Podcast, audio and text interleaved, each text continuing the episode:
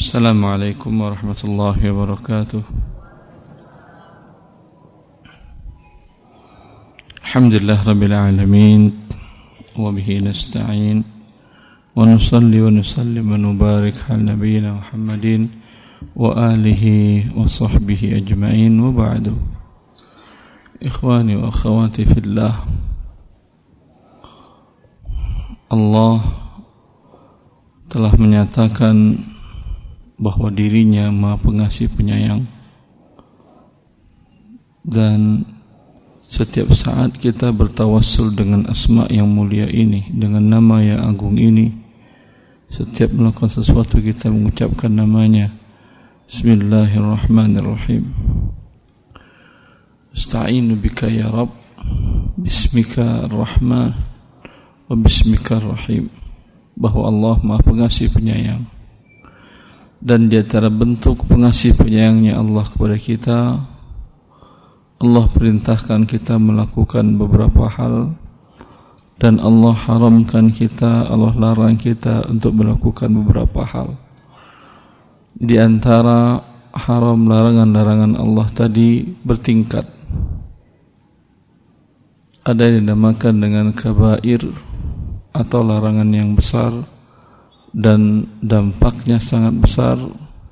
Termasuk dalam hal itu adalah permasalahan ekonomi yang orang anggap ini permasalahannya sepele. Karena masalah ekonomi adalah masalah kehidupan manusia. Padahal Allah telah melarang perbuatan tersebut perbuatan riba itu. Dan Allah haramkan bukan hanya kepada kita kaum muslimin umatnya Nabi Muhammad sallallahu alaihi wasallam bahkan kepada umat-umat sebelum kita Allah mengharamkannya juga فبظلم من الذين هادوا حرمنا عليهم طيبات وحلت لهم وبصدهم عن سبيل الله وأخذهم الربا وقد نهوا عنه orang-orang Yahudi tersebut telah diharamkan kepada mereka beberapa hal kata Allah. Di antaranya mereka melakukan riba padahal riba telah dilarang untuk mereka lakukan. Di dalam agama Nasrani jelas bahwa Nasrani dia mengikuti agama Yahudi kecuali ada hal-hal yang dibatalkannya. Oleh karena itu para pembuat teori yang berusaha menghalalkan riba itu mereka akan berhadapan dengan para pendeta dan pihak gereja. Pada masa Renaissance ketika para ekonom ribawi itu ingin membuat bahwa riba menjadi sebuah kenyataan yang harus dilakukan, mereka berhadapan dengan kenyataan bahwa orang-orang Nasrani dan orang-orang Yahudi mengharumkan riba dalam agamanya maka mereka robahlah istilah riba dengan istilah denda keterlambatan dengan istilah penalti dengan istilah ganti rugi. Yang intinya adalah riba atau istilah dengan profit yang sebenarnya itu adalah riba. Oleh karena itu mereka berhasil mengelabui para agamawan mereka Berbeda dengan agama Allah di akhir yang Allah berikan kepada nabinya Muhammad sallallahu alaihi wasallam. Dan Allah nyatakan bahwa kitabnya Al-Qur'an dijaga oleh Allah.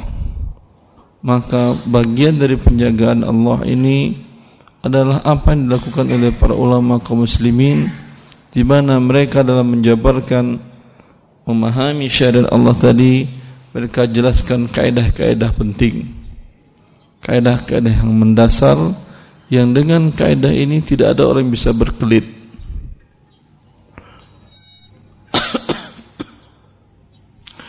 Bahwa riba adalah pertambahan dari kewajiban hutang. Baik hutang itu dampak dari pinjam meminjam uang atau hutang berjual beli yang tidak tunai ini sama dinamakan juga dengan riba dan riba inilah yang dilakukan oleh orang-orang jahiliyah yang ketika Allah mengharamkannya itu telah sedang mereka lakukan. Dengan demikian walillahilham sampai sekarang masih banyak kaum muslimin, para ulama kaum muslimin yang mengerti dan tidak bisa dibohong-bohongi dengan mengelabukan riba tadi sekedar mengganti terminologi atau sekedar mengganti istilah tidak bisa dibohongi karena kaidah syariat tadi sangat jelas. Walaupun terkadang mereka menggunakan pengganti pengelabuan riba tadi dengan istilah-istilah Arab. Walaupun ini bukan hal yang baru.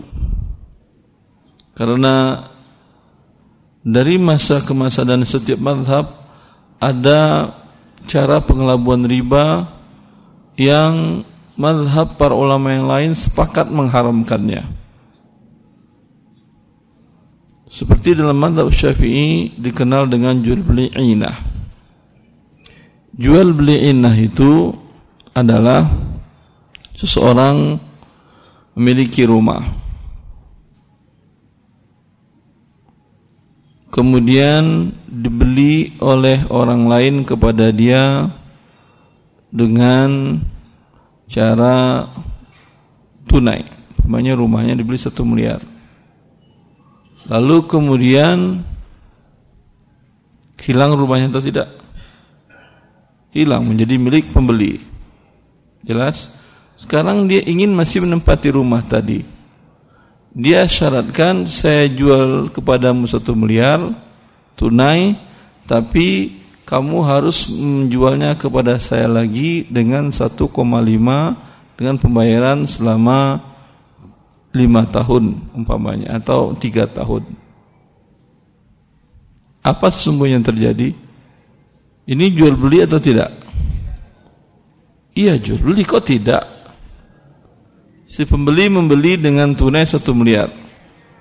Dijual lagi kepada pemilik sebelumnya rumah tadi 1,5 anggap 1,5 selama pembayaran 5 tahun. Jual beli atau tidak? Iya jual beli. Memang dalam Al-Quran Allah telah menghalalkan jual beli. Wa ahallallahu al-bay'a. Allah telah menghalalkan jual beli. Tetapi jual beli ini sesungguhnya apa yang terjadi? Rumah berpindah kembali menjadi milik pertama. Ya atau tidak? Anggap pemilik pertama namanya adalah Pak Karim. Dibeli oleh Pak Kirman. Jelas? Ah, dengan satu miliar Pak Kirman menyerahkan uang ke Pak Karim. Maka rumah Pak Karim menjadi milik Pak Kirman. Kemudian Pak Karim mau menjual dengan syarat Pak Kirman harus menjual lagi ke Pak Karim dengan pembayaran tempo 5 tahun dengan harga 1,5 dengan dicicil. Hah? Berarti sekarang yang terjadi rumah di tangan siapa lagi? Pak Karim lah.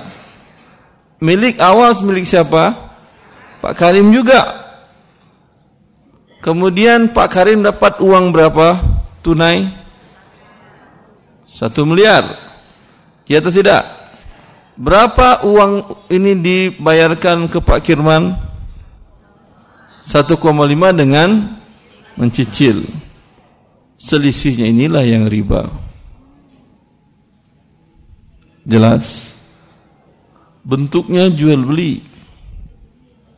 Tapi mereka mengelabui riba ini.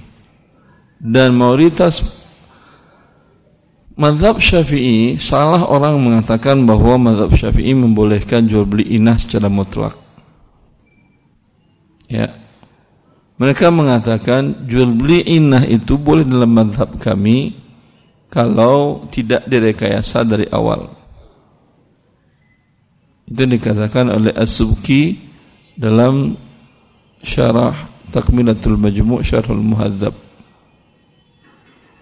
Kalau dari awal dia sudah sepakat, umpamanya Pak Karim tadi mau pinjam uang satu miliar ke Pak Kirman. Ya, Kata Pak Karim, saya butuh uang satu miliar. Kata Pak Kirman, saya mau minjamkan Anda satu miliar. Tapi saya tentu mau ingin untung dong. Atau kalau dia, ya udah. Kalau kamu ingin untung saya pinjam satu miliar, saya bayar satu setengah, kamu tahu itu riba? Iya. Kamu tahu juga? Iya. Saya sama-sama tahu riba. Ya udah kita lakukan jual beli. Bagaimana bentuknya? Kata Pak Karim tadi, kau beli rumahku satu miliar, cash, nanti aku beli lagi darimu dengan cara tidak tunai 1,5. Kalau jual beli yang tidak tunai lebih mahal dari yang tunai kan boleh. Jelas. Tetapi ketika menjadi sebuah produk, menjadi rekayasa, ini adalah pengelabuan riba. Dalam hal ini seperti kasus yang tadi, madhab syafi'i pun tidak membolehkan sepakat para ulama mazhab Syafi'i kalau direkayasa seperti tadi ya hukumnya haram. Tetapi mazhab Syafi'i hanya membolehkan dalam kasus jual beli. Umpamanya Anda memang butuh modal. Ya, lalu Anda jual rumah Anda tunai. Ya, Lalu modal tadi sudah Anda putar, sudah Anda untung. Rumah tadi ternyata belum laku juga. Ya. Kalau umpamanya Anda uh, beli secara tunai juga tergerus mungkin modal Anda yang sedang berputar tadi. Ya.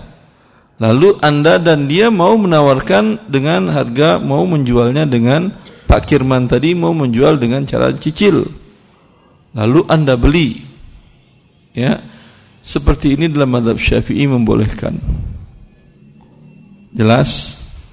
Tetapi mayoritas para ulama tetap tidak membolehkan. Karena yang terjadi adalah tukar uang dengan uang dengan cara berlebih barang kembali milik pemilik pertama. Ya. Jangan ini menjadi hawa nafsu kita Anda yang mendengarkan kajian ini untuk mengatakan wah kan ada ulama yang membolehkan. Berarti khilaf. Bagus ini solusi Ustaz. Ya.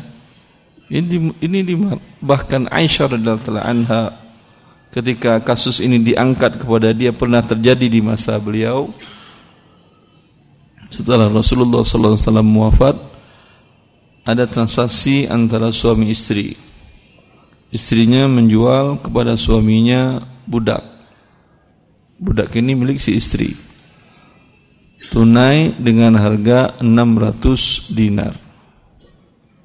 Kemudian suaminya menjual kembali budak ini kepada istrinya dengan harga 800 dinar tidak tunai cincil. Ya. Berarti mereka berdua merasa merasa bahwa ini kan jual beli. Tetapi yang namanya dosa pasti mengganggu dalam jiwa Anda. Dan itu yang terjadi pada istrinya ini bernama Zainab. Maka dia datang kepada Aisyah radhiyallahu anha menanyakan untuk menghilangkan was-wasnya dalam jiwanya. Maka dia bertanya kepada Aisyah radhiyallahu anha, maka Aisyah menjawab, "Bi'sa ma bi'ti wa bi'sa ma ishtaraiti." Wa akhbiri Zaidan annahu qad abtala jihadahu ma'a Rasulillah illam yatub. Maka Aisyah menjawab dengan nada marah dan ucapan keras engkau penjualan engkau penjualanmu adalah sangat buruk. Kan dia menjual tadi, berapa dijualnya? 600. Itu buruk. Dan engkau beli kembali itu juga sangat buruk. Beritahukan suamimu Zaid kalau dia tidak bertobat dari dosa ini ya pahala jihadnya bersama Rasulullah akan hilang. Ya. Jelas ini. Jadi jangan katakan kan ada ulama yang membolehkan. Kan ada, kan ada. Taib.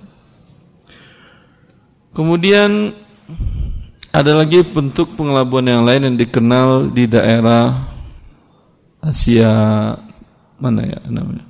Pakistan, India, Afghanistan dan di Asia Tengah kaum muslimin di sana yang bermadhab Hanafi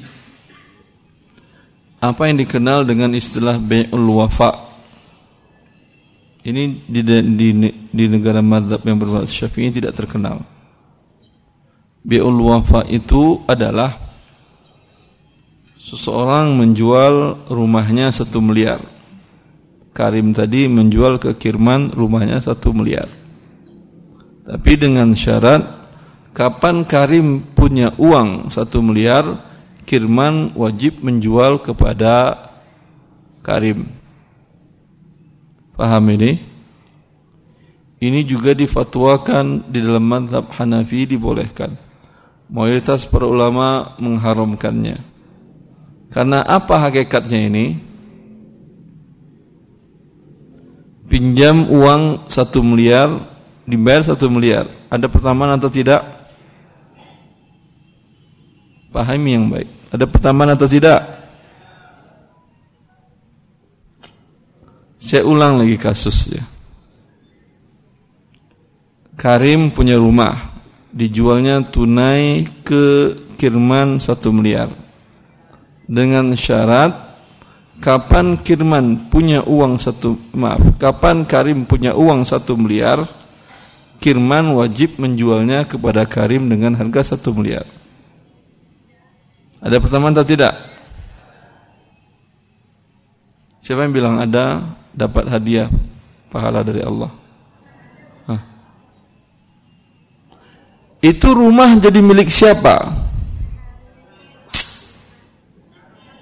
Jadi milik siapa? Karim kan jual ke Kirman satu miliar. Rumah menjadi siapa? Kirman. Ketika rumah menjadi milik Kirman, kalau disewakannya uangnya buat siapa? Kirman. Ya, anggap satu miliar tadi berapa sewanya per tahun? 100, anggap 100 juta. Andai si Karim baru bisa mengembalikan membayar maaf, membayar punya uang satu miliar setelah 3 juta. Berarti berapa pertambahannya? Kok 3 juta? Tadi 100 juta sewanya katanya. 3 tahun? Anggap 300 juta. Berarti si Karim terima uang 1 miliar, dia kembalikan berapa? Paham? Ada pertambahan atau tidak? Dalam kasus yang lain, pegang gadai di daerah mana pun di Indonesia ada. Ini cara mereka mengelabui pegang gadai. Ya, Anda pinjam emas banyak 100 gram emas digadaikan sawah. Ya. Selama belum ditebus 100 emas itu sawah digunakan oleh yang memberikan pinjaman. Ya. Kapan dia bisa menebusnya 100 emas baru dia tarik kembali lagi sawahnya. Ada pertambahan atau tidak pinjam emas emas? Ya. Tentu Anda mengatakan sama-sama 100 emas Ustaz. Sama-sama 100 gram. Betul sama-sama 100 gram. Tapi selama Karim belum punya emas 100 gram, sawahnya dipakai oleh Kirman tanpa membayar. Upah sewanya itulah ha, pertambahan selama ini yang menjadi riba. Tadi kan jual beli Ustaz. Kalau pinjam minjam iya. Kalau jual beli kan sah milik pembeli. Betul sah milik pembeli? Betul sah? Betul dia sah. Betul sah. Ya. Tetapi persyaratan dalam jual beli tadi adalah litakbid selamanya. Sedangkan dia tadi mengatakan apa? Baik wafa tadi. Wafa itu jual beli yang memenuhi janji. Dia berjanji si pembelinya kapan si penjual punya uang sebanyak itu, ha, dia berhak menarik kembali rumah itu. Berarti jual belinya pengelabuan atau bukan? Iya, pengelabuan. Karena kalau jual beli yang hakiki itu nanti harganya bisa menjulang tinggi, bisa jadi hancur. Iya atau tidak? Tadi ketika Kirman membeli rumah Karim, rumah itu masih masuk Kabupaten Bekasi. Alhamdulillah kota DKI Jakarta meluas dan rumah Karim tadi masuk ke Jakarta. Harganya naik atau turun? Wallahu alam, mungkin naik mungkin turun. Karena pajaknya gede kan. Anggap sekarang naik. Tapi kan dalam perjanjian pertama tadi antara Karim dengan Kirman, ya hanya tetap satu miliar. Inilah yang dia ya, hakikatnya adalah jual beli maaf bukan jual beli hakikatnya adalah pinjam meminjam kemudian ada pertambahan. Dan ini diharamkan oleh OKI. Organisasi konferensi Islam jual beli wafa tadi. Namun sayangnya akad ini ada dalam skema akad sukuk. Ya. Ini sekedar pengantar silahkan karena kalau nggak salah temanya tanya jawab ya. Silahkan. Hah? Lima di sini, lima di sini, lima di situ. Silahkan.